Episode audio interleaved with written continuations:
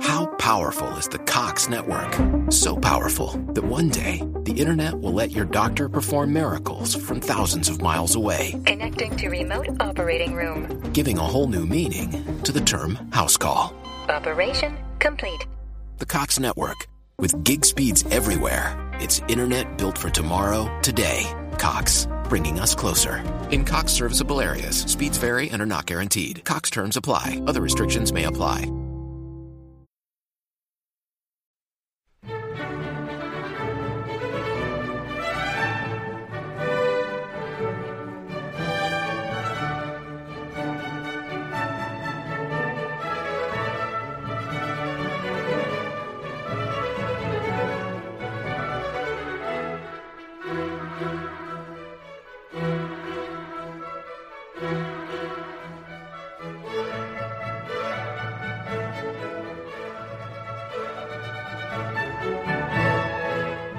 Välkommen till ett nytt avsnitt här på Gamla och nya stigar.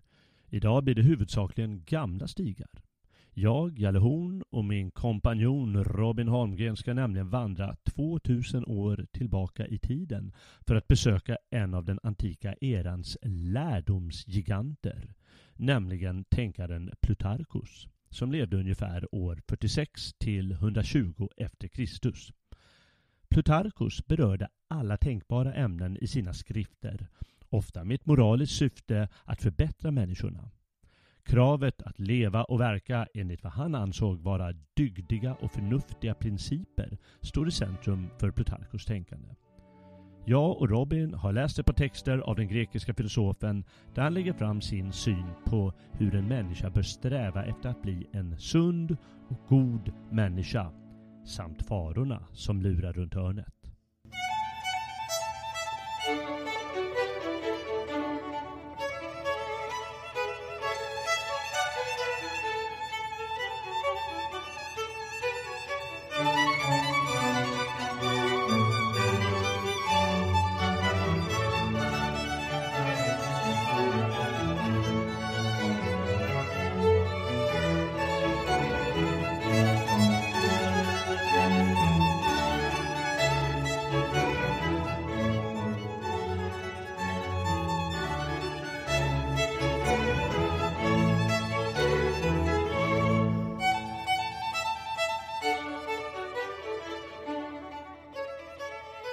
Därmed vill jag välkomna dig Robin.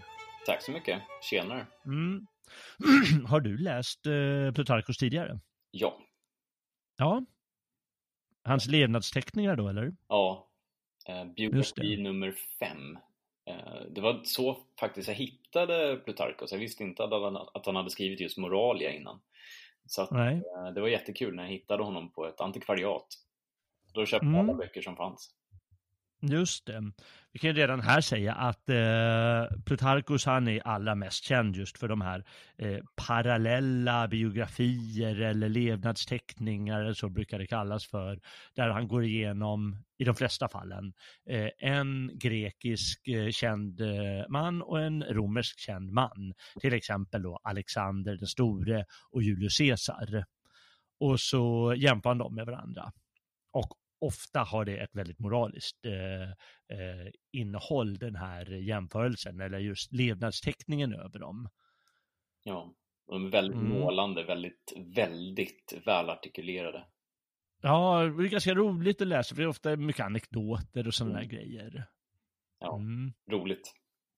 Ja, det är roligt. Eh, eh, Det ska sägas att de har ju översatts flera gånger på svenska. Inte allihopa, men, men flera stycken av dem. Mm. Eh, Men du, nu, nu ska vi ta upp två skrifter ur en annan av hans kända böcker som kallas Moralia. Mm. Det hör man ju på namnet då, att det är liksom någon sorts moraliska texter. Ja. Och det är väldigt roligt att, eh, jag tror att du kom med det förslaget. Ehm, Jajamän. Det som är roligt med det här, det är faktiskt att de nästan aldrig har översatts till svenska de här. Nej. Jag satt och gick igenom lite och såg att en engelsk översättning av hela Moralia kom till redan 1603. Jaha, så tidigt? Ja, schysst. Ja, men de översatt säkert mycket då. Mm. De, Sverige är ju ett min, mycket mindre språk och alla som var lärda på den tiden, de läste väl hellre det då på något annat språk än mm. svenska. Men på svenska har de nästan aldrig översatts. Men de senaste tio åren eller så, då är det en, en eh, gubbe eller kille eller ung man eller gammal man, jag vet inte vad, eh, som har börjat översätta flera av de här. Han har gett ut dem i tema ämnen kan man säga, som kan kallas om religion. Eh, du hade valt ur en bok som heter? Eh, det är den som heter Levnadsråd. Levnadsråd? Ja, levnadsråd, ja. Just det. Eh, jag har framför mig en här som heter, om, eh, som heter pedagogik och politik. Eh, finns det väl en om religion, sa jag kanske nyss, och ja, lite olika saker. Ja, jag har den här uh, kärlek och vänskap också. Just det, kärlek och vänskap, ja. Mm. Och det är ju ett fantastiskt projekt att han håller på och översätter de här, som, eftersom det inte finns på svenska tidigare, mer eller mindre. Det blir enstaka grejer. Så det var väldigt bra förslag, tycker jag. Mm. Mm. Jag hoppas att uh, lyssnarna uppskattar det också. Ja, det hoppas vi verkligen. Ja, det får de se till att göra. Jajamän. Ja. ja, men det var bra. Eh, vi kan ju säga då om Plutarchus, eh, han är ju inte någon av de mest kända filosoferna eh, under, eh, från antiken, alltså nu för tiden. Nej de, alltså, när man tänker filosofer då tänker man ju alltid på ja, men är Sokrates, Platon och Aristoteles. Eh, mm. And that's it för de flesta. Och sen så är det de som är lite mer intresserade, de känner till några till och, och filosofihistorikern han, han känner till ännu fler. Ja. Men det finns ju jättemånga, det fanns ju jättemånga filosofer på den tiden. Ja, Vi pratar ju om tusen år. Det finns ju ganska många olika författare som också finns kvar idag. Eh, jag menar, det har ju funnits otroligt många eh, filosofer genom tiderna. Eh, alltså om man då tänker på Hellas och. Mm. Eh, men det är ju inte allt för mycket som ändå har eh, sparats till eftervärlden. Nej, nej, nej. Inte av eh, Plutarchos heller. Nej. Jag läste här att han hade författat 227 skrifter. Ja, det är otroligt alltså. Eh, varav 76 finns bevarade. Mm och med, med skrifter är ju inte det en jättetjock bok nödvändigtvis, utan det är väl snarare eh, ett eh, kapitel i våra böcker här. Jo. Eller ibland, ibland en större bok. Jag har, jag har en eh, om Sparta i bokhyllan, eh, såg jag förut. Ja. Mm, han, eh, han är en väldigt viktig källa när det gäller Sparta. Okej. Okay. För det finns inte så mycket skrivet av dem. Den måste jag ha. ja, ja, men den finns nog bara på engelska eller franska eller tyska eller något annat språk. Eh. Ja. Eller varför inte lära dig grekiska när du ändå är igång? Ja, vi har ju pratat om det här förut, att det, det mesta jag läser är ju på engelska. Så att, ah, just det. det, det ja, ja, ja, men det är bra. Jag kan ge ett tips faktiskt. Eh, till alla er lite yngre lyssnare kanske. Eh, men om ni börjar spela typ rollspel eller bordsrollspel eller sådana där saker i i tidiga år så kommer ni lära er engelska otroligt snabbt för att allting finns bara på engelska. ja, det är sant. Jo, det är sant.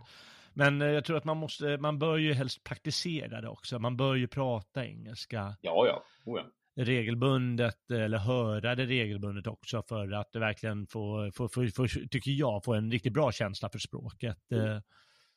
Um, jag brukar se det när folk ska skriva något på engelska pratade med någon, om det var Dan Eriksson eller så jag pratade, ja det var några, så, några, några tyskar som har skrivit någon artikel så på engelska. Mm. Och eh, då tittade jag, men det här går inte att läsa. Nej. Och så var det en engelsman som har sagt, berättade för mig att det, eh, ja just det, det sa den här engelsmannen också, att ja man kan ju skriva så här men det är ingen som skulle skriva det så här. Nej. Och det är ju så med språk, att det är, det är fyllt av ett normalt sätt att eh, handskas med det. Mm. Även om man rent tekniskt kan formulera sig annorlunda. Men det låter, det låter så konstigt och, därför menar jag att det bästa är förstås att, de, att, man om man har möjligheten att faktiskt uh, umgås på språket uh, i tal i första hand. Ja. Då får man ett bättre förhållande till det. Men, men, ja, men det är bra sådana tips. Att ge sig kast, att kunna läsa saker på andra språk är ju väldigt givande för vi är ju trots allt bara lilla Sverige med, med jag säger då som, jag lever ju på 80-talet, åtta miljoner svenskar. Och det stämmer ju, för de andra två miljoner, det är ju, det är ju, det är ju andra, andra folk. Jajamän. Mm. Nåväl, det var Plutarchus vi höll på med, så var det. Han är alltså, han var eh, grek, eh, som kom från en liten stad som hette Kaironeia. Det låg i en landsdel som heter Boiotien som var, ligger så lite nordväst eh, om Aten, en liten bit. Och eh, då när han levde alltså kring år 100 efter Kristus, då var ju alltså Rom sedan, eller Grekland var ju sedan ett tag eh, fullständigt erövrat av romarna.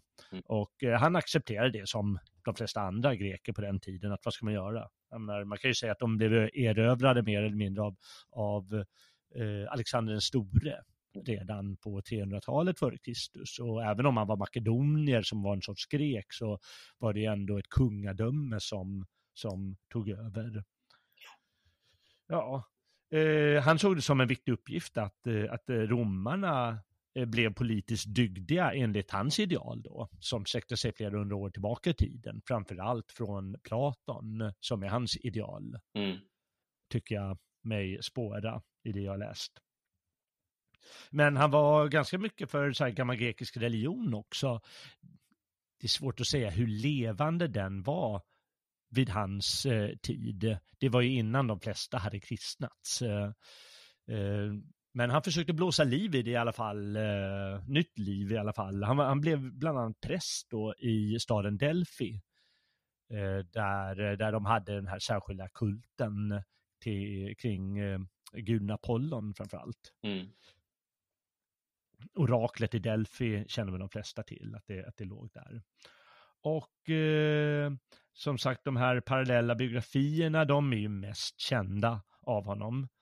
I, I, Sverige i alla fall. Och jag kallar det för moralisk historieskrivning. Och han gör nästan en poäng av det. Ja, att hans mål, viktigare än att visa dem liksom, som, som en modern historieskrivare, att, eh, att eh, tolka källorna korrekt enligt det som faktiskt hände. Mm så menar han att det, det viktigaste är att visa karaktärernas dygder och, och odygder och se de historiska händelserna och förloppen och så därigenom. Mm. För det är det som kan få dig som person att lyfta dig själv. Att du kan ta en viktig lärdom av det. Och det är det som står i centrum för honom. Och det var ju någonting vi pratade om när vi pratade om stoikerna för eh, ett par månader sedan. Mm.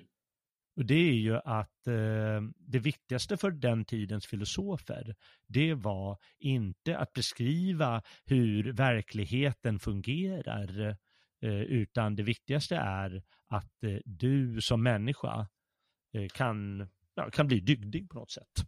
Ja, det blir liksom uppbyggande på någonting. Ja, det ska bli uppbyggande. Ja, det andra, det skulle vara helt tomt om de bara skulle beskriva världsalltet och inte något mer. Mm. Utan det måste ha ett syfte den här kunskapen.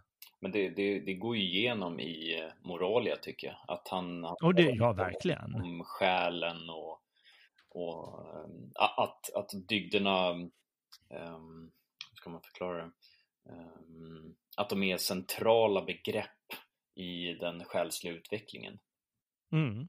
Ja, verkligen. Det måste man säga. Och den är, där är det ju ännu tydligare den här moralfilosofiska agendan som ja. han har. Där är det ju verkligen, verkligen så. Eh, hans plats i filosofihistorien är ju lite undanskymd. Mm. Han ses väl mest som en sån popularisator eller han brukar kallas för populärvetenskap är väl lite fräckt att kalla att han skrev det som. Men man kanske kan jämföra lite med Cicero. Eh, Cicero skrev flera böcker eh, för att popularisera filosofi. Mm. Helt enkelt. Eh, men han räknas ju inte heller som någon filosof som man studerar i filosofihistorien. Men jag tycker det är lite orättvist det där, för jag tycker att det faktiskt eh, är ehm, jag tycker det är en viktig, viktig del med den här moraliska poängen och den här moraliska uppbyggandet som han har. Mm. Visserligen är han inte ensam om det förstås, men, men jag tror att den här lite undanskymda platsen har att göra med att eh, filosoferna de senaste 100 till 200 åren, de har varit, den teoretiska filosofin mm. Om vad vi kallar varat, det vill säga verkligheten så som den verkligen är, ja. Eh, det står högre i rang än moralfilosofi. Ja, det, det tror jag du har rätt i. Mm. Och då kommer förstås den moralfilosofiska eh, studien, det kommer ju i andra hand och det är väl ett skäl till att han har eh, kommit vid sidan om. Eh, men eh, han har ju påverkat från och med renässansen, det vill säga från 1400 och 1500-talet, har på, påverkat författare och filosofer väldigt, väldigt, väldigt mycket. Mm. Och han har varit en väldigt viktig eh, som person som alla som håller på med akademiska studier och sånt har studerat i flera hundra år fram till vår tid då, de senaste hundra åren då man har, men nu kan vi inte hålla på och lära, läsa så här, grekiska och latin lika mycket som man gjorde förr och eh, därmed de, de personer som anses viktigast. Mm. Men, eh, men det är framför allt genom en person som han har påverkat eh, västerlandet påverkat västerlandet de eh, senaste 500 åren och det är genom en fransk författare som heter Michel de Montaigne. Mm ja. Och han skrev på 1500-talet något som han kallade essäer. okay. Och det är därifrån vi har ordet essä förstås. Mm. Och han utgår ju alla dem från Plutarchus. Jaha, vad spännande. Ja, för det här essä, det betyder väl någonting i stil med undersökning. Att jag vill undersöka ett ämne och eh, snacka om det. Ja. Och så tar han ett ämne, till exempel som Plutarchus också gör, om eh, uppfostran av barn. Mm. Och så skriver han om det. Ja. Och eh, det, det har han ju från, Monte, äh, från Plutarchus. För Plutarchus han har ju massor med sådana eh, Eh, kapitel då om alla möjliga ämnen som jag sa i början. Vi kanske kan läsa lite innehållsförteckningarna till våra böcker så att man kan få liksom en, eh, en bild av vad, vad är det för omfång det, eh, det finns. Har du, har du några namn på dina kapitel? Oj, ja. Kan Du kan väl nämna några bara i alla fall, som ja. verkar liksom roliga. Den här är vacker. Kan lasten ensam orsaka olycklighet? Ja. Om pratsjuka. Om pratsjuka? Ja. Hur man kan berömma sig själv utan att väcka anstöt. eh, hur man märker att man gör framsteg i dygd, om att behärska vreden. Just det. Eh, hälsoråd om att äta kött. Ja. Eh, och ett kapitel som jag tyckte var otroligt intressant. Är själsliga lidanden värre än kroppsliga? Ja, just det. Där har du något att bita i. En svår nöt att knäcka. Ja, och, och någonting som är roligt med de här eh, kapitlen är att även fast de låter lite lustiga eh, mm. så är de fulla med mycket intressant kunskap. Ja, precis. Han tar det ju på allvar. Det är inte, ja. det är inte något snicksnack, utan han eh, menar fullt allvar. Ja. Han, du sa ju det här om att äta kött till exempel. Han var ju vegetarian. Ja att han har kommit fram till att eh, det bör man inte göra. Jag tror han var väldigt stor djurvän om jag förstått honom rätt. Ja. Jag har till exempel ett kapitel i, i den här boken eh, som handlar om pedagogik och politik. Eh, disputation om djurens intelligens. Ja. Aha, går han igenom att de är inte så jäkla korkade djur, det ska vi veta. Ja. Här är ett som heter Råd till politiker. Någonting som är väldigt aktuellt i vår tid, skulle jag gissa eller eh, hur de unga bör studera poesi. Mm. Jag ska ta upp en som heter Till en obildad härskare. Man tänker alltid på Stefan Löfven, att han skulle behöva läsa det här och bara fixa det. Oh, ja. Ja. Han, Nej, men det, det... Tal, liksom, när, han, när han skriver. Så alltså det, du, han har... man, man ryggar liksom inte tillbaka. Jag kan tänka mig att till exempel stoicism eller någonting sånt där, typ lite mer svårsmält. Ja, just det. Men det, här är, det här är ju enklare hållet, men det är ju en retorisk finess att klara av att göra det mm. för att fånga läsaren, men då ändå servera eh, det som behövs för att just bli en dygdig människa. Ja. Och få dig påverkad. Så man får nog tänka att han har, han har liksom en plan med det hela. Det är inte så att han, ja men nu ska jag skriva lite om djur, om vilka djur som kan vara intelligenta eller sådär.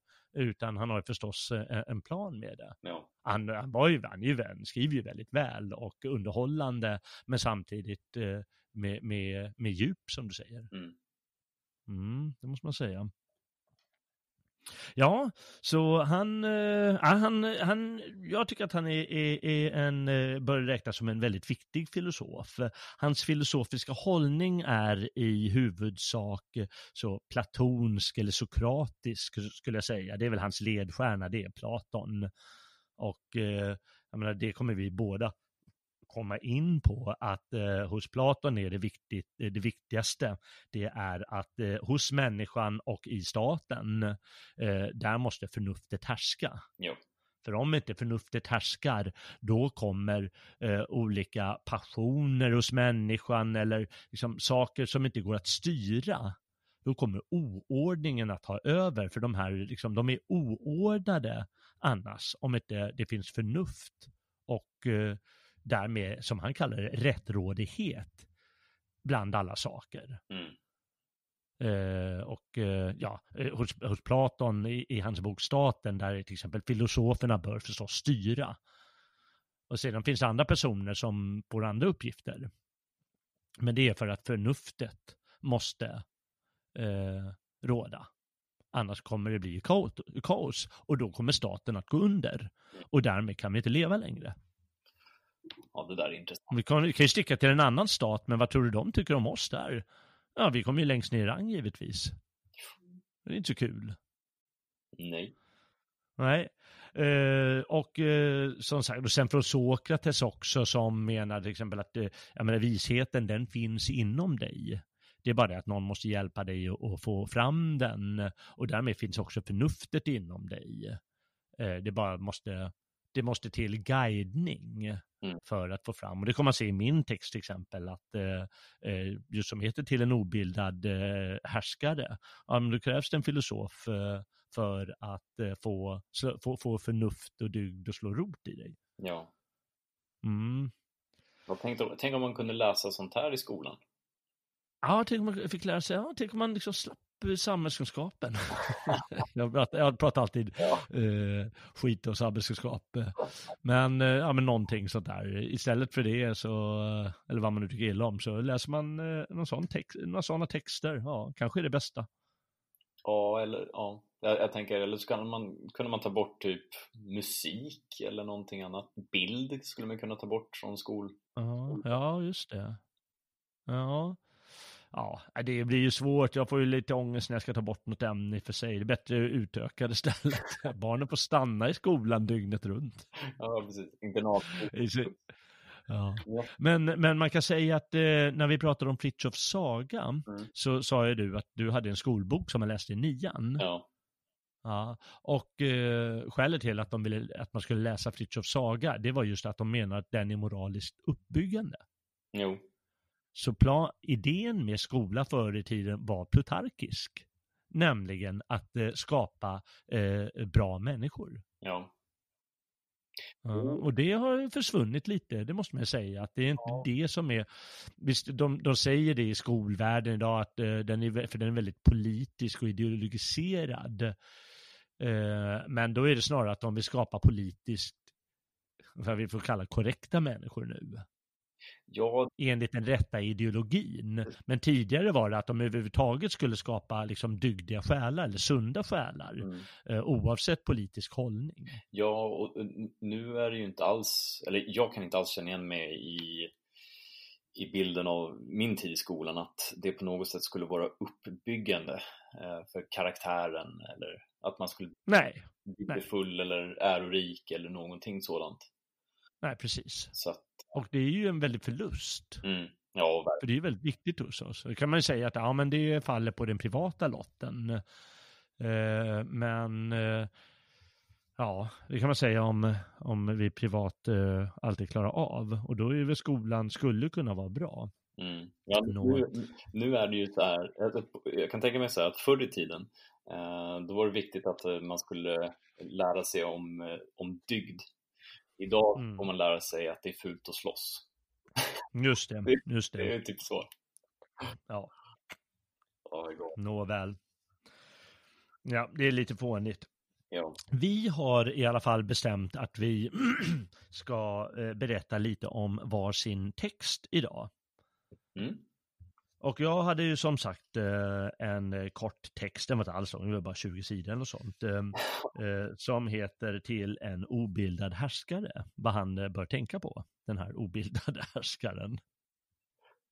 Och min text är, är avhuggen, så hela finns inte bevarad, utan den tar slut efter de här 15-20 sidorna. Mm. Eh, Men det gör inte så mycket, utan det står ganska bra saker fram till det tar slut. Eh, Vad heter din text? Min heter Dygd och last. Okej. Och den är Mm. på hela fyra sidor. Oh, nu, oj, oj, du har tagit i ordentligt. har jag. Ja. Maximal pepp. Ja. Nu måste vi singla slant vem som ska börja. Eller har du, har du eh, någon, någon särskild önskan? ja, det är du som håller i taktpinnen, så det är ju du som får börja. Okej, eh, då väljer jag faktiskt dig. Ja, men vad fan. Jag, jag menar att det var du som skulle börja, inte att du... Jaha, ja, nej men jag sa fel. Eh, Då, då väljer jag faktiskt mig. Mm. Eh, det är ganska bra, eh, den här texten, för den är väldigt platonsk. Mm. Eh, och eh, det tycker jag är väldigt skönt att han, han visar fram den här platonska, de platonska idéerna, alltså några grundidéer hos Platon som jag kommer nämna allt eftersom, Mm. på ett ganska snyggt sätt. Eh, jag, menar, jag kommer ihåg när jag studerade filosofi och ena läraren han sa ju att ja, men Platon han var ju fascist och nästa säger att ja, Platon var kommunist och den tredje säger, alltså så fyller de i med sina liksom, ideologier som de tar i allt vad de kan. Men Platon var givetvis ingenting av allt det där. Han kanske hade lite fascistiska föreställningar i sig, kanske hade lite socialistiska föreställningar i sig och så vidare. Mm. Men det blir lite löjligt att hårdra det på det sättet. Det, det är omöjligt och det är, alltså, det är Ja. fel. Man kan inte Ja. sätta en ism på, på någon som eh, har varit död i 2000 år. Nej, det blir ju svårt. Det kanske var önskedrömmar hos dem. Ja, Jag vet. kanske var fascistisk lärare. Nu ska vi prata om fascisten Platon. ja. ja, vem vet. Eh, Men eh, nej, han skriver liksom väldigt så att det blir lite befriande och då kan man ju bli lite sugen eh, på sin Platon. Även om man inte nämns vid namn här i. Men den heter alltså eh, Till en obildad härskare. Och då, då slår han fast ganska tidigt i texten att det, det är liksom viktigaste, det som ska ha överhöghet i, i själen och styrandet och så, det är förnuftsprincipen. Mm. Och det vet vi ju alltså, det är, det filosofen som ger lärdom om förnuftet. Det är liksom Platons och Sokrates idéer. Och eh, alltså det är filosofin som är läraren i det här fallet. Vill du ut i fält, ja men då måste du vända dig till krigarna. Men liksom just styrandet, mm. det är någonting annat. Eh, Och eh, han kommer ganska tidigt till en, nämner ett exempel. Han drar gärna exempel om en gammal spartansk kung som heter Theompos. Och nu är vi tillbaka, liksom långt tillbaka i 700-talet före Kristus något sånt. Eh, som valde att dela sin makt med eforerna. Och eforerna var då ett litet råd av gamlingar som, som liksom balanserade makten. Mm. För Sparta hade ju av tradition två kungar. Och sen hade man en folkförsamling också. Men sen så fanns de här eforerna som, som hjälpte kungarna. Så att inte de skulle bli eh, e-, enväldiga. Och då tyckte den här Teompos hustru att ja, skulle dela makten med någon? Det, är ju, det gör ju din makt svagare. Och då sa han tvärtom. Nej, det är så att eh, makten blir starkare eftersom den blir säkrare. Mm. För om du har för mycket makt själv, då menar jag att då blir den osäker. Det kommer vi komma fram till under, under resans gång här. Så det bästa är att avstå en, liksom den absoluta makten, för då kommer du kunna undvika en massa faror och kanske avund från andra personer och så vidare. Mm. Och vad han menar då bildligt sett, det är att härskaren, han ska göra avkall på makten och låta förnuftet få makten. Mm. Han ska överge makten till förnuftet. Och ett sätt att göra det är till exempel att uppge olika passioner som man har, alltså begärliga tankar. Det kommer vi också se eh, vad, som, vad han menar med det. Eh, för det är sånt som är farligt för maktens hälsa. Och då har jag tagit ett par exempel här. Ärelystnad till exempel. Ja, men om härskaren är ärelystnad, örelysten, då är det risk att han riskerar en massa saker för sina medborgare. För sin egen ärelystnad. Ja, men nu ska vi gå i krig. Ja, men du, vi har jäkligt dålig armé, hör du. Ja, men ja, vi måste gå i krig för det är så häftigt. Ja, så är han beredd bara för sin ärelystnads skull, härskaren, mm. att äh, låta hela folket gå under. Det finns ju massa andra saker, självgodhet eller, eller sånt. Så eh, Eh, man ska minska farorna från egen dumhet eh, eller eget begär och andras försök förstås att störta makten. Så det är inte dumt att dela makten alltid. Det kommer ju på under upplysningstiden när man skapade eh, till exempel Montesquieus maktbalansteori, att det ska delas med den verkställande makten och den dömande makten och den lagstiftande makten, ungefär som det amerikanska, eh, som det är i USA. Ja. Ja, så det är ju inte eh, en dålig idé. Tänktes ut för 2000 år sedan. Och sen så går han vidare och liknar oförnuftiga makthavare vid kolossalstatyer. Mm -hmm.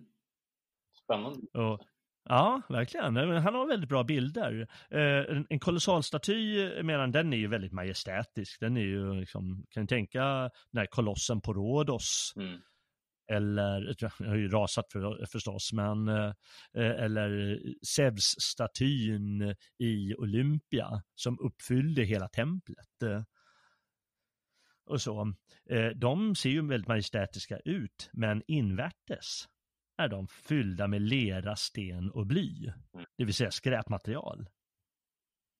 Men, säger han, det här skräpet, det håller ändå statyn upprätt. Men i människor, om du har en massa skräp i hans själ, även en makthavare, då kommer den obildade makthavaren att falla omkull av det här skräpet i själen. Mm. Han kommer inte klara av sin roll. Och det tycker jag är, är, är, var bra. Och så säger han vidare att eh, man ska, eh, om man har en rak och oböjlig måttstock, då kan man göra allt annat rakt. Och det är likadant med själen, att om du odlar den enligt då förnuftets princip, så att den blir rak istället för liksom spretar åt tusen håll. Eh, det är liksom att ta makten över sig själv eller liksom foga makten till förnuftet. Eh, då kan du eh, lägga grund för en god karaktär och förmå underlydande att anpassa sig efter just det här goda. Mm istället för efter ditt begär eller efter din ärelystnad eller efter din dumhet eller vad det är. Mm. För det är det som är målet, att få de underlydande att, eh, att, att åt, i sin tur göra någonting rätt. Då kan de göra det goda och förnuftiga. Ty som det alltid heter, en som inte kan styra sig själv kan inte styra andra. Nej. Och det är en platonsk idé som han har. Platon har han till exempel att eh, eh, han liknar staten eller människan vid en, eh, eh en, en, vagn med häst. Och eh, om du släpper de här fålarna fria, då kommer, de, då kommer vagnen bara flyga och fara och, eh, hur som helst. Och då, då behövs det en bra kusk som förmår styra dem korrekt. Och lika, och kusken är då människosjälen som måste styra kroppen eh, på korrekt sätt. Så att det är förnuftigt och det är dygdigt. Ja, det är ju, det är ju disciplin egentligen. Alltså... Man kan kalla det disciplin om du vill. Ja, ja, det kan man säga. Att man måste, disciplin är ju att du fogar. Ja, men precis. Men du, du vet ju, för att man vet ju att man ska inte släppa tömmarna om man, vill, om man ska ta sig till ett mål. Precis. Och då, Precis. Eh, det, det, jag tänkte på är ju mer kroppsligt liksom. Eh, mm. Jag vill ta en öl. Ja. Men eh, tar den mig dit jag vill? Är det liksom lugn och ro eller smaken jag vill ha? Eller mm. då är jag egentligen bättre av att gå ner och göra 200 armhävningar? Ja, kanske det. Eller om du tar en öl, att du nöjer dig med en och du tar 7-8. Ja, ja, jo, absolut. För, för grekerna var det väldigt mycket för det här måtta, att eh, du kan, allting är bra, bara man gör det med måtta. För måttet, det är ju det som är rätt. Mm. Det måttfulla, det såg de ofta som rätt. Eh, den gyllene medelvägen och olika bilder har de för det. Lagom. Ja, lagom säger vi svenskar, precis. Eh, Ja. Eh, nej, men då säger han att dårar, de tror att det är en fördel att inte vara underkastad eh, makt när de har makt. Mm. Men, men det ska man göra, man ska underkasta sig förnuftets makt menar jag. Och då tar han ett exempel hos eh, perserkungen. Han brukade anse att alla var slavar utom hans gemål, säger perserkungen. och då säger, eh, eh, lägger han till då Plutarkos, henne som han ju särskilt borde ha härskat över. och då ska vi komma ihåg att han faktiskt har en väldigt, vad man kallar modern kvinnosyn, att han menar att alla kan gott studera filosofi och odla sitt förnuft och sin dygd och så vidare Ja. och bli, skulle kunna bli härskare i princip. Mm. Men eh, eh, då är liksom kontentan att lagen den ska härska över härskaren. Fast lagen är inte någon liksom vanlig nedskriven lag. Den skulle kunna vara nedskriven av härskaren, utan det är alltså den här medfödda förnuftsprincipen som sen har liksom drillats av filosofen. Mm.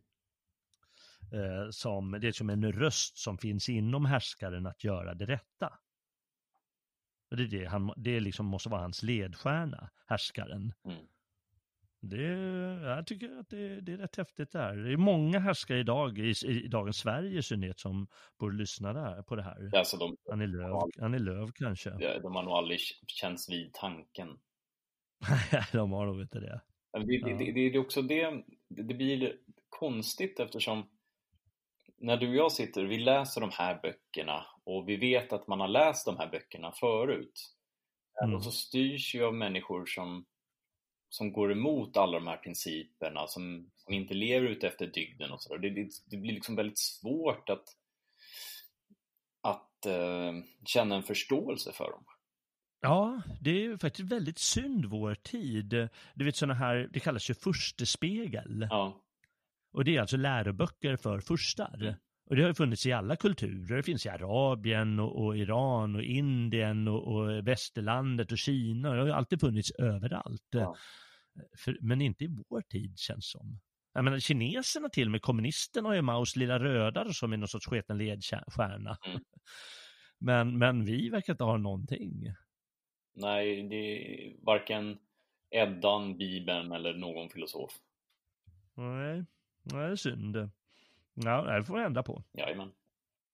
Eh, sen går han vidare till liksom hela världen, att naturens och gudarnas gåvor, eh, de, de måste ha ordnade förhållanden och vara liksom rätta. Mm. Eh, allting måste liksom avnjutas enligt någon sorts ordnad lag. Eh, då liksom blandar han in, skulle man kunna säga, hela, hela, hela alltet. Och det är typiskt grekiskt också, att liksom hela makrokosmos eh, finns inom dig egentligen, styrs enligt samma princip. Eh, Mm.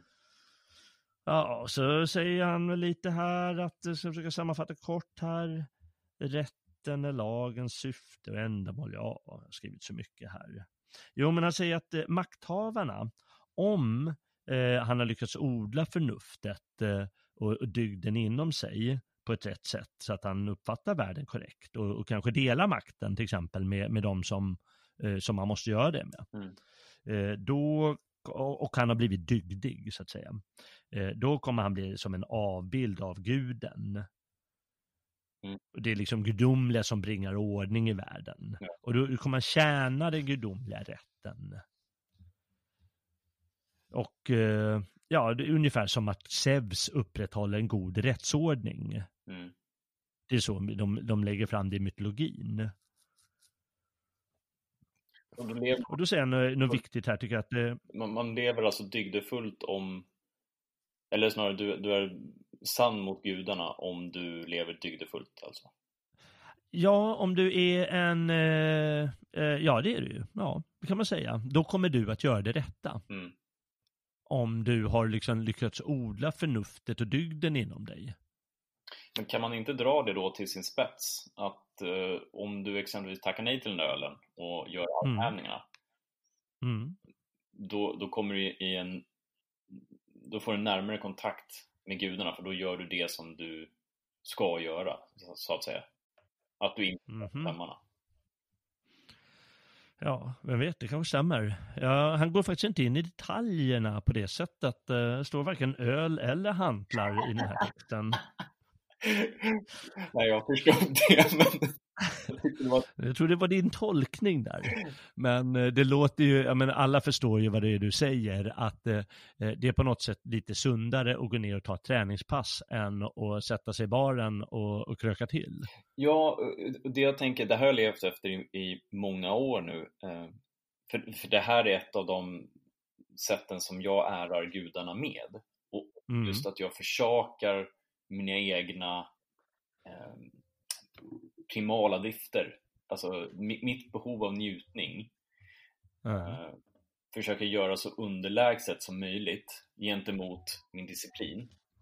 Mm. Och genom disciplin och eh, med, med kraft och möda och blod och svett och tårar så ska jag, inte så mycket tårar förvisso, eh, så, så försöker jag gestalta någonting bättre än vad jag är. Mm. Skapa en, en bättre, vackrare bild av mig som jag då eh, gestaltar för gudarna helt enkelt. Ja, ja, men då kommer du väl in lite på, träffar väl honom ganska bra här. Ja, det, det hoppas Mm. Ja, hoppas vi. Eh, Men han säger i alla fall att eh, eh, det, det, det viktiga, liksom det här med liknelsen hos guden, det är inte härskarestaven eller blixten eller något annat attribut som, som vad heter det, kungen eller härskaren ska ha. Mm, Utan det är alltså tvärtom den här gudomliga visheten i sinnet. mm, Och som man underordnar sig. Liksom blixten är ju en manifestation av styrka, men det är inte det viktigaste, utan det är att bära dygden inom sig. mm, Och eh, eh, för dygden, den har skälet till att guden känner lycka och det kan man säga, det kan man se hos Platon och Aristoteles, de här grejerna, att eh, det, det är att eh, dygden är så att säga, den är som, den är som suverän och den finns manifest hos guden hela tiden då. mm. Och det är, den, det är som att den har evigt, nej, hur ska vi förklara det? Alltså den är, den, är, den är god i sig själv. Dygden är sig själv nog. Ja. Eh, en stor moralfilosof i vår tid, Kant, eller för ett par hundra år sedan, eh, hans morallag, den menar han att eh, den står, den står av sig själv Ja. av förnuftiga principer. Och det är ungefär lite det han siktar mot. Ja, sen går han, eh, eh, alltså går han vidare på ett intressant eh, avsnitt. Det är liksom rädsla och vad man ska frukta. Eh, vad som man kan frukta som härskare och vad en dålig härskare fruktar. Och då säger han att en, en makthavare bör frukta att göra onda gärningar mer än att själv lida ont. Och det här är en idé från Sokrates då, för det säger han Sokrates rent ut i någon av Platons dialoger. Att eh, eh, det gör ondare hos honom om han eh, gör gärningar som, som skapar ont än att han själv lider Ja, ja. ont. Mm. Ja. Eh, så man ska frukta att medborgarna lider skada. För det är det sämsta. Och då ger han faktiskt ett väldigt vacker eh, eh, exempel här om Cato, romaren, som efter nederlaget vid Utica i eh, inbördesstriderna mot eh, Caesar, eh, då lät han alla åka hem, sa han. För de, de, hade, de hade förlorat eh, och så liksom, ja, ja men nu har vi förlorat allihopa, nu får vi ge upp. Och då så lät han alla åka hem och han tillbad guden att de skulle få en väl hemresa och sen gick han och tog livet av sig Mm. själv. Och för han kände fruktan för medmänniskorna, det var viktigare än hans egna lidande. Mm. Och det menar han liksom någonting ädelt och, och vördnadsvärt eh, att ta fasta vid, sådana exempel. Motsatsen är om man är rädd för det egna folket, som tyrannen är. Och det är några exempel på tyranner som liksom likt en orm kryper ner i en kista för att sova där eller som hade liksom en lönn, eh, en byggnad med lönndörrar och så som ingen visste om. För han är förstås rädd när han ska sova, Mm. tyrannen. Eftersom Ja. undersåtarna kommer ta livet av honom. Ja. Så kungen, han, den, den, den dugliga kungen känner fruktan för undersåtarnas väl och tyrannen, han känner fruktan för undersåtarna. Mm. Och det tänkte jag lite på vår tid, för det gör man ju alltid paralleller till. Att eh, partierna idag, de fruktar ju hur folk ska rösta Mm. mycket mer än folkets väl Ja. eller skada. ja, verkligen. Och det är ju faran med, vår, med demokratin i vår tid, att de är så valfixerade. Mm. Lustigt är det, jag skriver faktiskt om eh, någonting liknande i eh, senaste numret av Nationalisten faktiskt. Ja, just det. Ja. Jo, det, det, är- det är ju ingen unik tanke, utan, eh, men det är ju någonting som eh, bör sägas om och om igen på olika sätt. Eh, Mm. Ja, Jag, jag var ju Mm. inne på just med, med vapenlagstiftningen och sådär. Okej. Det har Mm. varit så stor eh, skillnad mellan statens eh, soldater, eh, eller statens våld gentemot Mm. eh, invånarnas möjlighet till våld. Eh, Ja, det har aldrig varit så stor teknologisk skillnad däremellan. Eh, och att, jag vet inte om jag leder det i, lite senare till just den slutsatsen att det beror på att de är rädda för folket. Eh, Men Mm. det är ju fullkomligt logiskt att det ligger till så. Ja, ja, det är det ju. Ja, det måste man säga. Han i alla fall, i, i det avslutande resonemanget eh, så, så går han in på personer med makt eh, som låter begäret ta överhanden. När de inte kan behärska allt det här och då liksom det onda tar, eh, tar, tar, tar, tar vad ska jag säga, tar kraft i dig, eller liksom låter, han säger tar ondskan som medhjälpare. Mm. Eh, Och det ger passionerna ökad kraft och ökat utlopp. Eh, Och det sätter han på ganska bra, liksom, som, är som ett citat.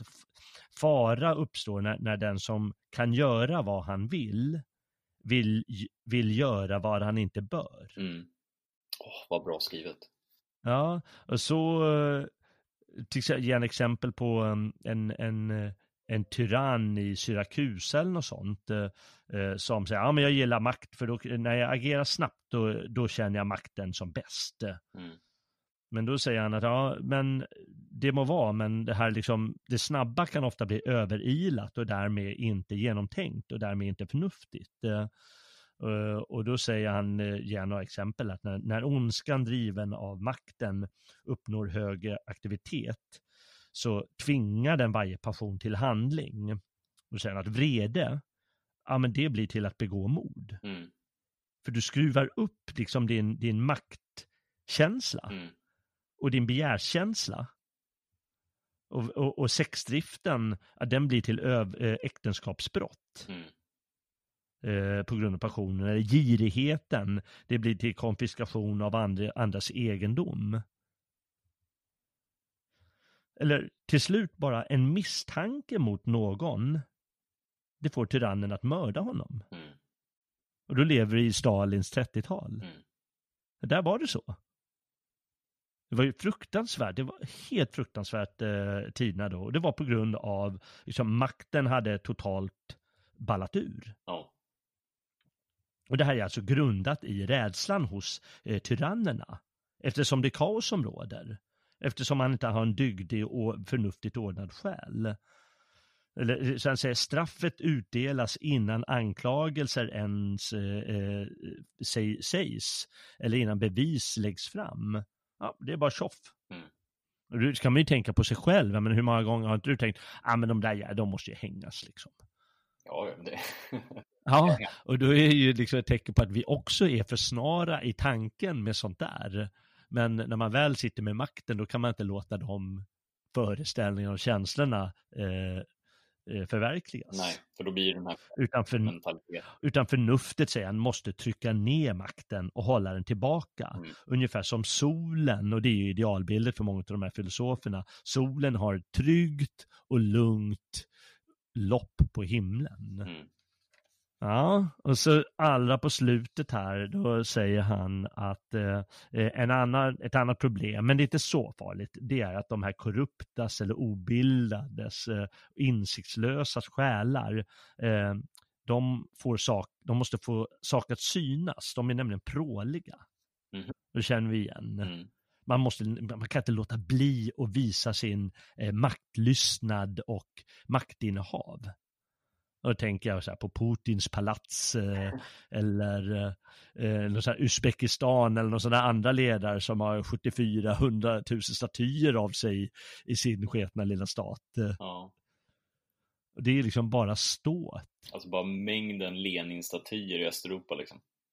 Ja, där, ja, det är ju också en sån grej. Jag är ju frågan hur mycket, var, hur mycket som är propaganda där eller prål. Det kan man ju fråga sig. Men, eh, men han tycker ju upp, uppenbart att det är bara prål eller tom ståt. Mm. Eh, Och då är det en- återigen en väldigt bra liknelse här att eh, bland tomma krukor, då syns inte de defekta krukorna. Eh, men, som har hål i sig. Men fyll alla med vatten så syns det genast. Mm. Och det är alltså att korrupta själar kan inte behålla sina maktresurser utan det liksom rinns bara bort alltihop i det här utbrottet av begär eller eh, självöverskattning eller vrede eller vulgaritet eller ha-begär eller något sånt. Mm. Mm. Men här slutar texten med att han säger bara att eh, eh, nå, visst, även bra män har haft liksom överdådiga banketter eller eh, eh, sovit mycket. Mm. Eller varit begivna på vin och så ger han några exempel på sådana. Så man ska inte göra för mycket av, eh, av den här, eh, just det här exemplet. Men, men det visar återigen vad, vad makten, hur den korrup korrumperar själen eller har förmågan att göra det. Mm. Så vida, menar han, inte förnuftet och dygden får ta plats. Mm. Det var min text. Alltså jag måste säga att Plutarkos har sådana fantastiska liknelser alltså. Ja, det är bra. Här med, med vattenfyllda krukor, alltså det är, det är så bra. Ja, men han, eh, det, det tycker jag också att han, eh, det, alla, alla ser ju det framför sig. Ja, just det, jaha, men där är riksdagen. Eh, det är ju för sig bara tomma krukor där kanske. Men, eh, eller, eller krukor med hål i menar jag. Ja. Ja, Ja, det hade men, han sagt i alla fall. Han hade nog gråtit blod. ja, det hade han nog gjort, ja. Inte så ja. många filosofer där kanske. Nej. Nej, men det var min eh, lilla insiktsfulla text. Jag tyckte den var givande, väldigt enkel och, och trevlig och så, men ändå liksom att eh, full med insikter eh, som är, är bra. Ja, verkligen. Mm. Det tackar vi för. Ja. Eh, får jag då höra vad din, eh, vad, vad, vad, vilka, berätta lite om din text. Ja, eh, jag valde texten just för att det finns många punkter som är väldigt stoiska. Mm. Mm. Det handlar då om dagd, eller dygd och lyft. Alltså jag kan ju inte prata ordentligt. Dygd och last. Mm. Mm. Eh, och ehm, det är en väldigt kort text men det, det finns så himla många intressanta aspekter i den här texten som har att göra med dels själslivet eh, men att eh, inte falla för sina begär. Eh, Mm. Mm. jag kommer att att göra på ett lite annorlunda sätt än vad du gjorde. Eh, Jag kommer att läsa Ja. upp eh, några stycken Ja. och så tänker jag att vi kan tala om styckena helt enkelt. ja, precis. Ja, vad bra. Ehm, och då står det så här. När brasan är tänd är huset präktigare att skåda. Rikedomen nöjsammare och makten och ryktbarheten mer lysande. Förutsatt att allt detta är förenat med en glädje som härrör ur en harmonisk själ. Han skriver också, men ett gott och harmoniskt liv kommer inte från yttre ting, utan det är tvärtom människan själv som liksom ur sin egen goda karaktärs inre källa förlänar de omgivande yttre tingen behag och tillfredsställelse. Så det han säger då är helt enkelt då att eh, lagom är bäst.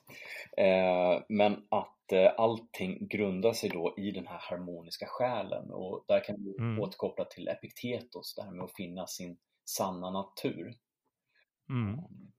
Som är, jag, jag tycker det är, det, det är ett sånt vackert sätt att, ehm, att utgå från olika handlingar och strävanden. Ja, men alla känner igen det där med att ja, men när brasan brinner där, Mm.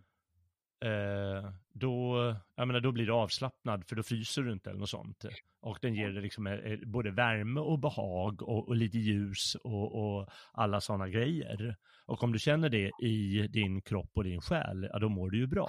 Precis. Och det är liksom en inre glöd som finns i oss och som måste hållas vid liv på rätt sätt. Ja. Eh, han skriver också, eh, nu ska vi se.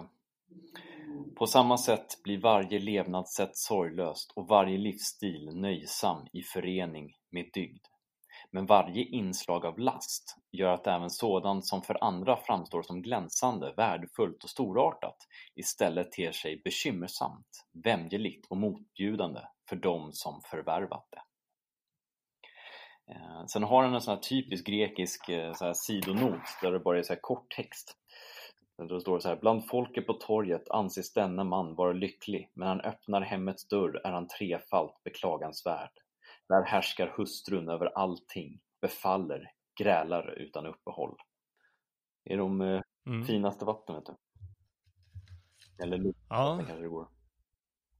Ja, just det. Nej, men det är väl, är väl också, alla, alla känner igen det där att eh, oj, han har ju mycket, han har fina kläder och han verkar ha, ha det och det, men väl där hemma som sagt Precis, då lever han går det till på ett helt annat sätt. eh, Ja. Och eh, om man skulle syna själen även där på torget skulle, skulle man nog se det. mm. Mm. Ja, det, han gör ju en annan eh, liknelse här med, med parfym till exempel. Att eh, parfymen gör slitna mantlar och trasiga plagg väldoftande. Men eh, du kan ju fortfarande stinka liksom, men man döljer liksom bara. Ja, och, eh, för en blind person till exempel så kan det ju framstå då som att åh, men du är ju väldoftande, du måste vara av ädel börd eller vara framgångsrik eller någonting sådant då. Men för de som ser så ser de ju hur personen i fråga ser ut. Alltså man får den här Mm. ytterligare kunskapen om en människa. Ja, precis ja. Fara med osanning. ja. Ja nej, men jag tycker det är bra det där med parfymen och, och så. Mm. För det är ju väldigt talande också. Ja. Att, eh, men det spelar ingen roll hur mycket parfym du har på dig egentligen. Jag menar, om din själ är, är ful. Mm. Det, det är så eh, grekerna beskriver det. Att, ja, men om, om, om själen inte är, är sunt ordnad, då är den ful. Mm. Skönhet och, och, och godhet, det hänger alltid ihop eh, hos dem. Och eh, om det känner vi igen, ja, men det spelar ingen roll hur mycket parfym du har. Är, är, är själen ful, ja, men då är du ändå är du i grund och botten Mm. ful. eller dålig, eller något sånt. Det är lite Luktar illa. slitna skor. Jag fick alltid lära mig som barn att eh, det viktigaste plagget jag kan ha på kroppen, Mm. det är ett par rena skor. Ja, ja. Bra. Allt annat är liksom sekundärt, men eh, om man visar att man har bra kängor eller skor så visar det att man är på gång, man gör någonting. Eh, Man liksom värdesätter sin resa. Mm. Ja, spännande. Ja, så jag hade föräldrar. skoputs i lumpen kan jag säga. Ja, just det. Du var mästaren på det. Jajamän, det är jag fortfarande. Ja, ja, det är bra. Jag har tyvärr tappat den dygden. Jag hade ett tag eh, en bra- skoaffär, eh, Mm. liten jäkla grej i, i, i Stockholm och han eh, fick mig att putsa mina skor varje dag. Okej. Men eh, torskade det efter några år så tappar man stinget liksom.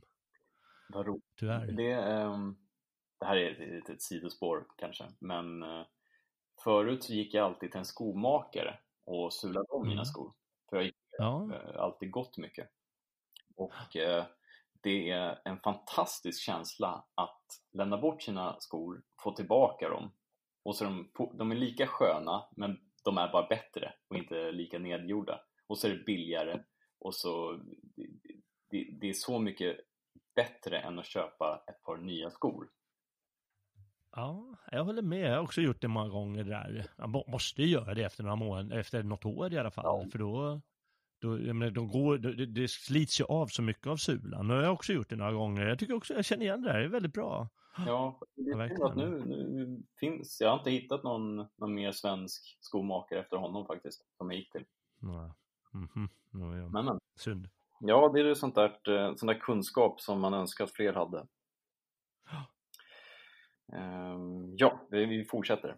Bland Ja. lasterna är högfärden en besvärlig följeslagare på färden genom livet och frosseriet är en bordskamrat som medför stora kostnader. Och vidskepligheten är en tröttsam sängkamrat som med sina bekymmer och grubblerier och farhågor förjagar och förstör sömnen. Det blir en slummer och en viss vila för kroppen, men för själen innebär den ångest, oro och onda drömmar. Just det. Lasterna vet du. Ja, då- den, jag tycker det är så spännande när han skriver att frosseriet är en bordskamrat som medför stora kostnader. Är- men, men det är ju inte bara de här, äh, så som jag tolkar dem i alla fall, så är det ju inte bara just de alltså, monetära kostnaderna av att du äter mycket och att det i sin tur kostar mycket mat. Utan att Mm. det, det är just ehm, ehm, den här ehm, att du inte har den här disciplinen. ja. Det Ett slöseri med liv bara. Att man inte kan säga nej utan man bara måste fortsätta äta och äta. Ja, verkligen. För det är ju också en sorts högfärd fast mot sig. Jag, jag tror att det handlar mer om att man ser ner på sig själv. Ja. Men det blir samma effekt så att säga. Det blir ju det. Jag menar, det liksom, om lasterna styr själen, då blir det ju liksom att ditt, ditt liv blir ju sämre. Mm. Det är det jag försöker säga på, på massa olika sätt. eh. Ja, och, och när, man, när man tänker då att den här um, vidskepligheten och så här grubblerier och sånt ger oro. Ehm, då, då kommer vi till eh, stoicismen. Att, Mm. att kunna släppa sådana saker. Han skriver det kanske inte rakt ut som Epiktetos men det är bra ändå. Ja, verkligen. Eh, han beskriver det så bra. Så fort jag sluter ögonen griper våndan tag i mig och jag förtärs av drömmarnas maror. Säger en poet. Ja, det är, det är så bra. Ja. Han skriver också att under dagen har lastbara människor uppmärksamheten riktad utåt mot omgivningen och de anpassar sig således till andra människor och undviker att avslöja sina dåliga böjelser. De ger, ger sig inte utan vidare hän åt sina impulser utan söker ofta stå emot och bekämpa dem. Men i sömnen frigör de sig från människornas och lagarnas domar och är som längst ifrån att hysa fruktan och skamkänslor. Och då väcker de alla begär och aktiverar sina dåliga och hämningslösa böjelser. Ja. Ehm, Ja, det är ju liksom, du kan ju fatta psykologerna, de suger på den där ja, ordentligt. jag skojar inte. Mm. Men ehm, det är ett bra sätt att förklara när man går sovandes genom livet eller önskar att man ska sova istället. Mm, just det. Just för att det man vill vet man är fel. Och då lever man ju liksom inte i samklang med sin natur egentligen. Nej, nej, och det är det som är målet. Det är ju att leva samklang med naturen. Mm. Och eh, naturen är ju då, e- e- enligt hans eh, sätt att se på det, så är ju naturen sund. Den är ju sunt ordnad. Mm. Och det är ju någonting vi måste sträva efter också. Ja. Men då kan vi inte bara släppa loss på saker hur som helst. Eh, Ja, men det är bara, gör vad man känner för. åh." Mm, verkligen. Men han, skriver också att ehm, när det kommer till de här begären, eh, Mm. att de inte leder till något välbehag. Och de, de tillfredsställer inte begären. Utan det enda det Mm. gör är att det hetsar upp och förvildar ens passioner och morbida tendenser. Ja. Men det är ju så himla sant alltså. Ja, men det är klart det är sant. Eh, Det, det känner vi ju alla igen, mer eller mindre. Ja, Jag menar hur, jag vet inte. Eh, Du kanske är eh, bra mycket mer disciplinerad än vad jag är, men jag kan ju också släppa loss och känna, ja men det här, nu, ja, det här är så, ja, det här är roligt eller något sånt, eller jag har kunnat göra det i mitt liv, men det är ju ofta leder ju sånt, om man, gör, om man skulle gjort det mycket mer, då leder det ju inte till något gott. Det är ju bara så. nej. Eh, Jag, jag tänker på det som Marcus Folin brukar prata ganska mycket om, porr. Eh, Mm. Att när man väl börjar med porr så, så blir det liksom grövre och grövre och mer liksom sjukt. Ja, Alltså att man börjar med samlag och sen slutar det på liksom barnpornografi. ja. Och det är just det Ja. att eh, ens, ens böjelser, det blir bara värre. Ja, men det är ju sant det där. Men det känner ju alla igen. Liksom. Det är, eh, min, min, eh, min mamma som jobbat med narkomaner, hon har alltid tjatat, ja, men du får inte ta en, en liten Mariana-cigarett för det leder till kokain och kokainet leder till heroin och heroinet leder till crack och så vidare. Va? Så det blir bara värre och värre och mer och mer. Och det är samma idé då. Och det är ju så med begären att de är ju farliga på det sättet. Ja. Börjar du, börjar du ta en, eh, en bira dagligen, då kommer du vilja ta den där biran lite tidigare på dagen och sen sitter du där och tar en bira klockan tio på förmiddagen och då är du rökt liksom. Ja, precis. Och man mår inte mm. bättre utav det. Nej, man mår ju inte bättre av det. Det är det som är contentan, precis. Det är det som är lärdomen. Man mår ju inte bättre av det. Mm. Mm. Man blir ju inte lyckligare. Nej. Man blir inte sundare. Mm. Uh, han skriver också då, en kropp i rätt kondition vid god hälsa erbjuder en arena och en källa till fysiska njutningar.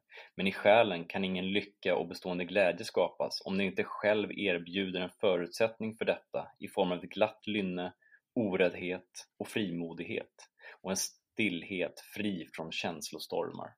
Och där kommer det där stoiska in igen som jag älskar. Mm, mm. Jo, han är, han är förstås påverkad av stoikerna också. Och det, Mm. det, det sägs eh, i, i olika handböcker. Ibland så var han kritisk mot dem, vissa delar, men det var ju en stor skola. Mm. Han, ja, den här är så bra. Eh, apropå det här med eh, träning då. Annars inträffar det, även om en förhoppning eller förnöjelse ler löftesrikt, att oron plötsligt dyker upp, likt en dold undervattensklippa i ett lugnt hav och kastar själen ned i osäkerhet och förvirring. Ja. Alltså det här språket, det är magiskt alltså. Ja, ja. Han, ger sig, han ger bra exempel. Liksom. Det är inte roligt med den här lilla klippan. Ja, men det, det, det är som bra liknelse alltså. Det är, ja, det är fantastiskt. Um, nu ska vi se. Det var ett avsnitt till. Ja, här. Samla guld, hopa silver, bygg åt dig ett ståtligt hus med kolonnhallar, fyll det med tjänare och fyll staden med dina borgenärer.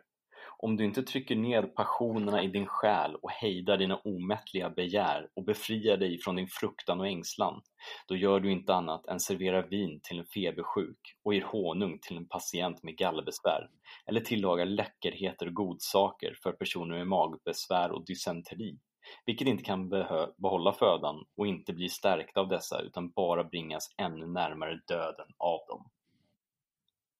Ja.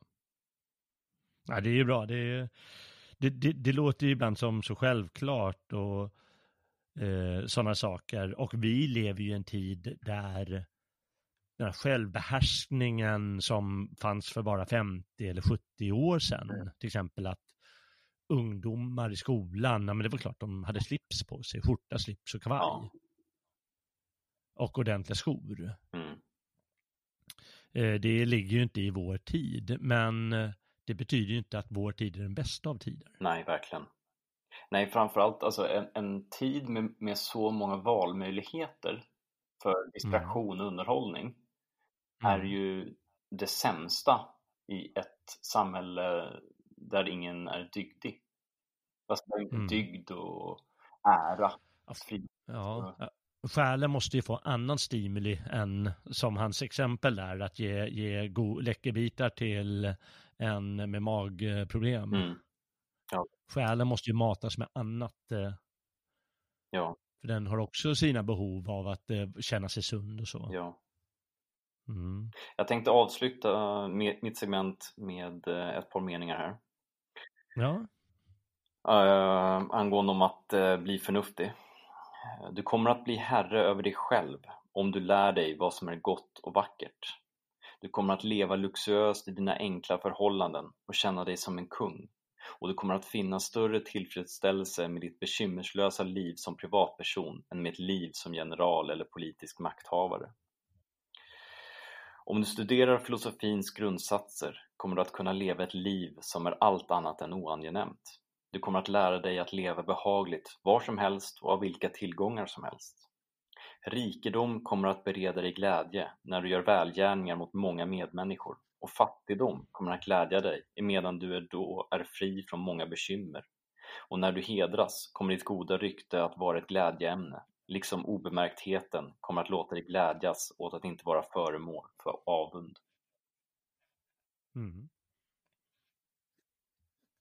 Ja, man kan inte säga annat än att eh, han har rätt. Ja, oh ja, oh ja. Sen kanske inte alla tycker, jaha, men vadå, låter filosofi eller något sånt där, men man får tänka att eh, filosofi för de här, det var liksom någorlunda enkla, det var inte så, så knepiga saker. Nej. Utan det kan ju vara sådana här exempel som man ger som eh, klart visar att, eh, ja men att välja den sunda vägen, Mm. det är ju till exempel först att bara ge avkast, avkall på alla eh, stora begär Mm. som hetsar dig eller något sånt, eller som, som bara fortsätter och bygger upp begären. Och sen att man faktiskt kan bli lycklig av det också. Ja, verkligen. Man behöver inte ha den senaste bilen, den finaste båten, finaste motorcykeln, finaste huset.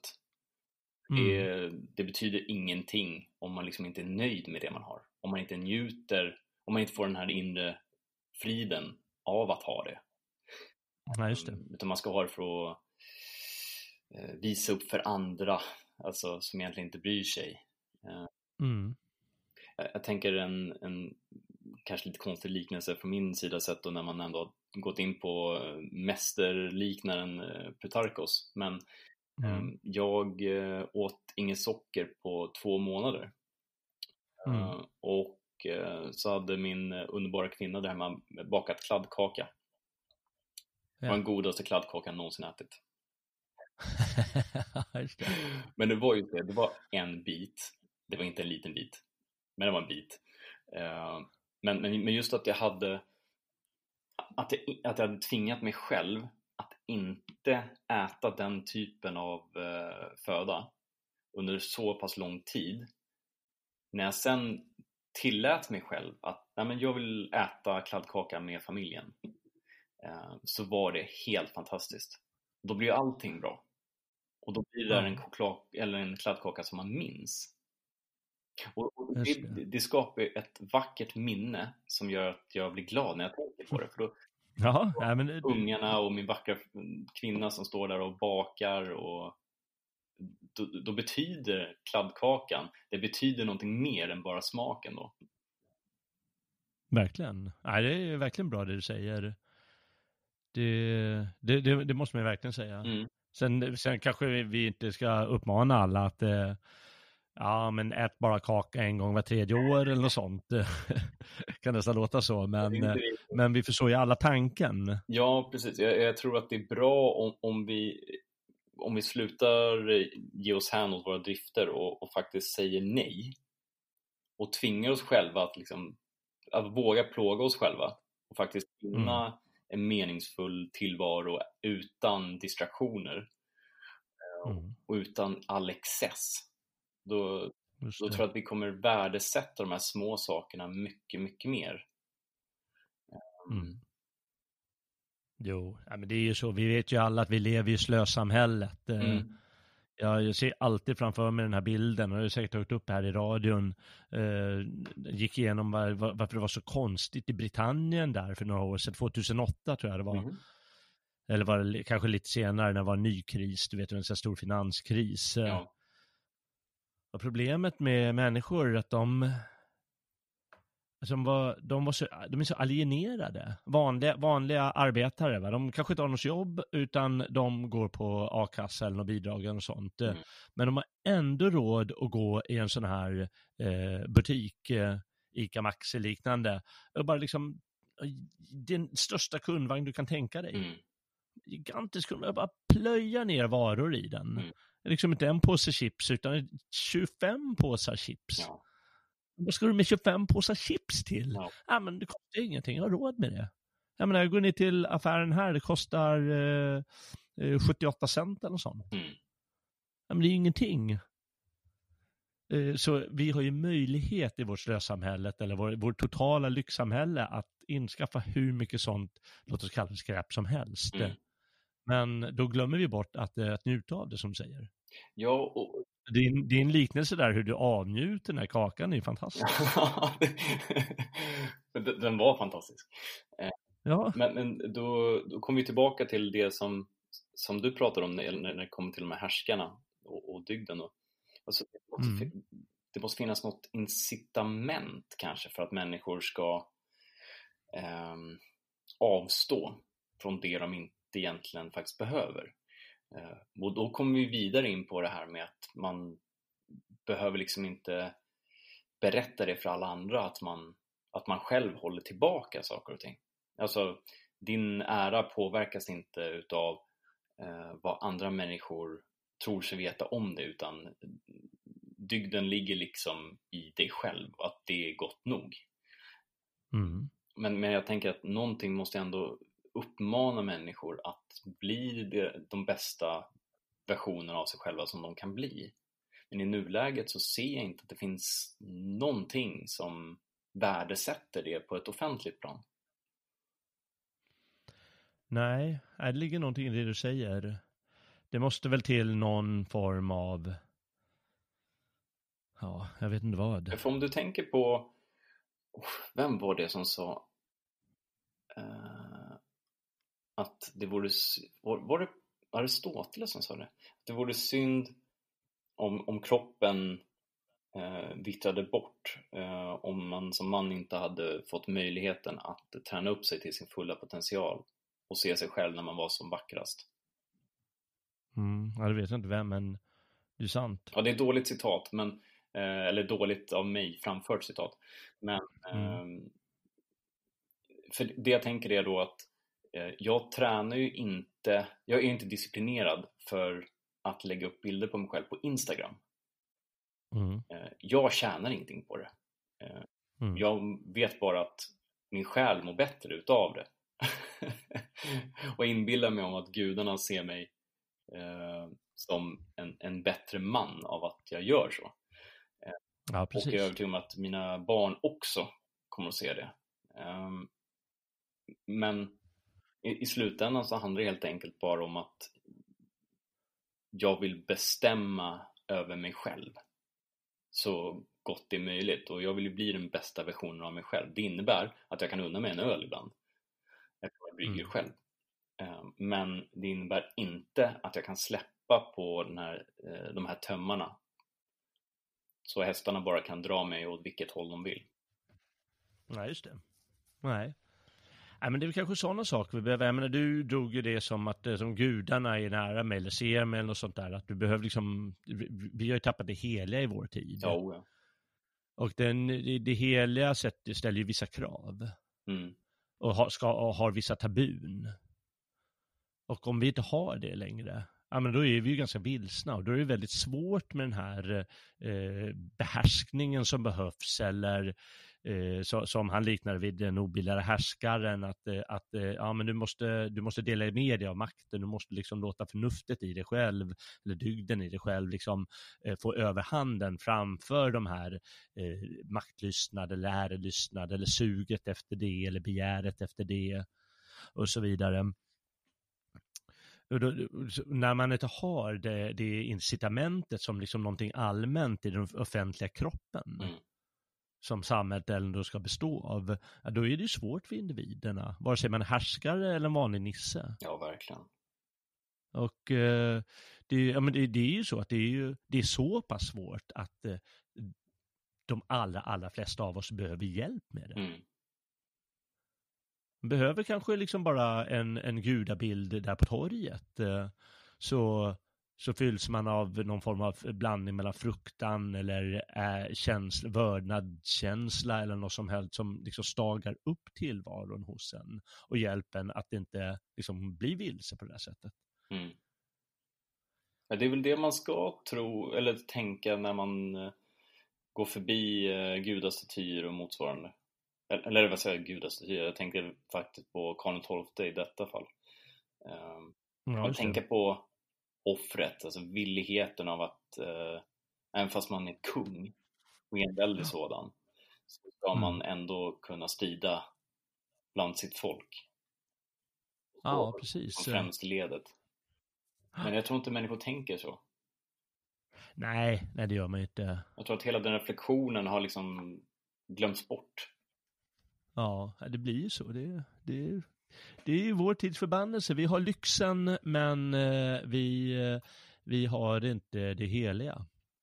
Nej, och aldrig förr har så många människor tagit psykofarmaka för att de är så olyckliga. Nej, precis. Ja, det är väldigt skrämmande där. Ja. Eh, Det säger det, otroligt mycket.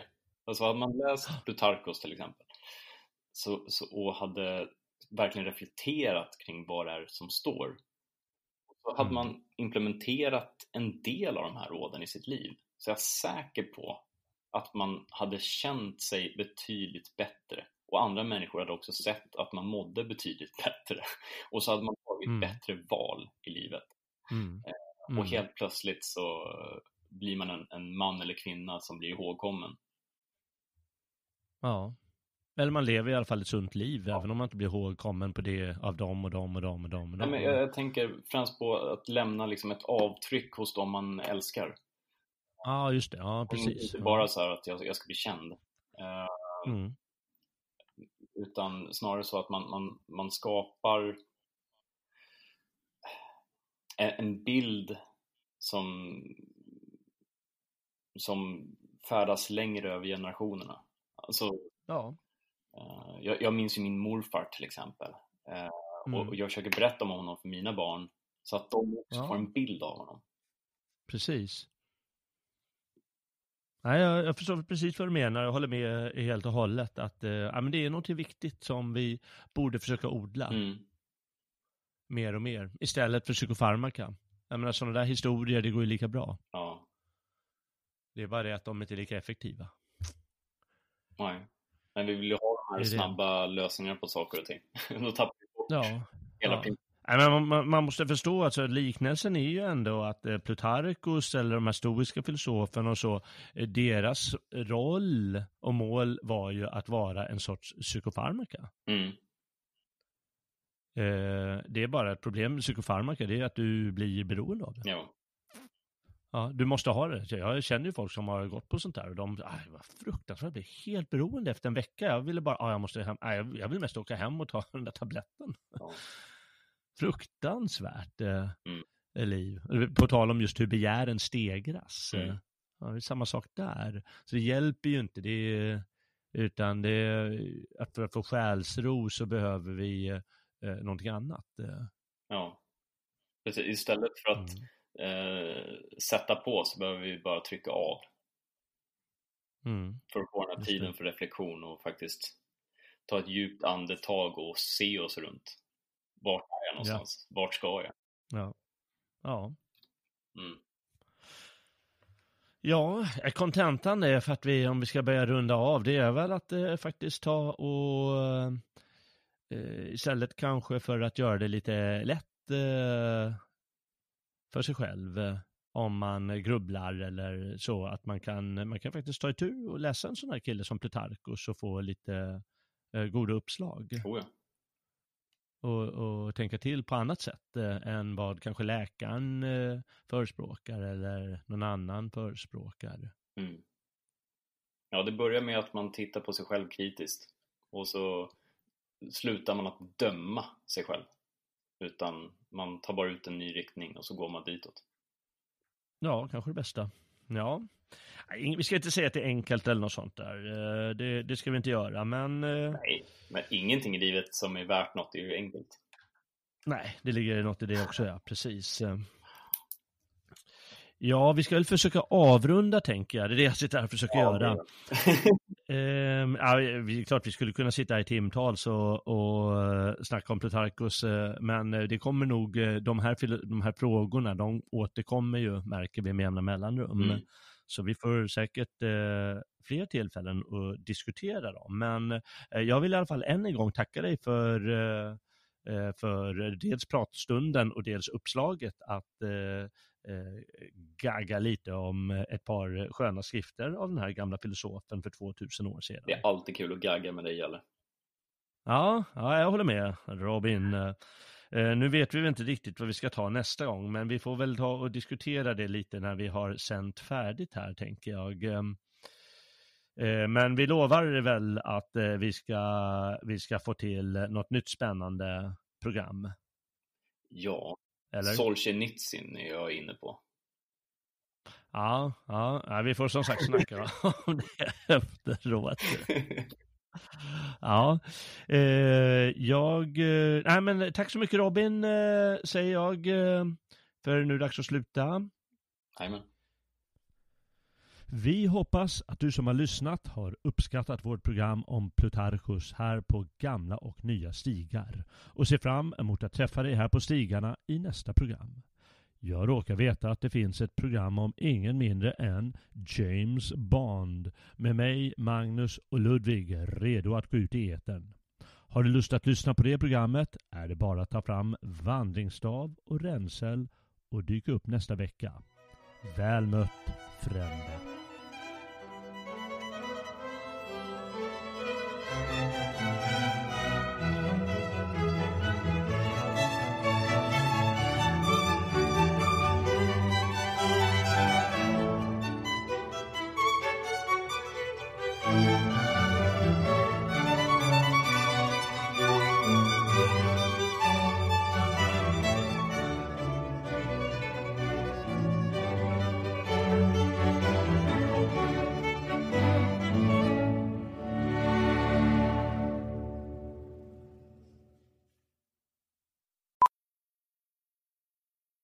Powerful is the Cox network?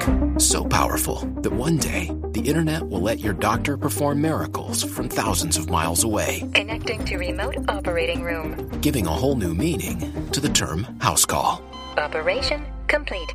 The Cox network, with gig speeds everywhere, it's internet built for tomorrow, today. Cox, bringing us closer. In Cox serviceable areas, speeds vary and are not guaranteed. Cox terms apply, other restrictions may apply.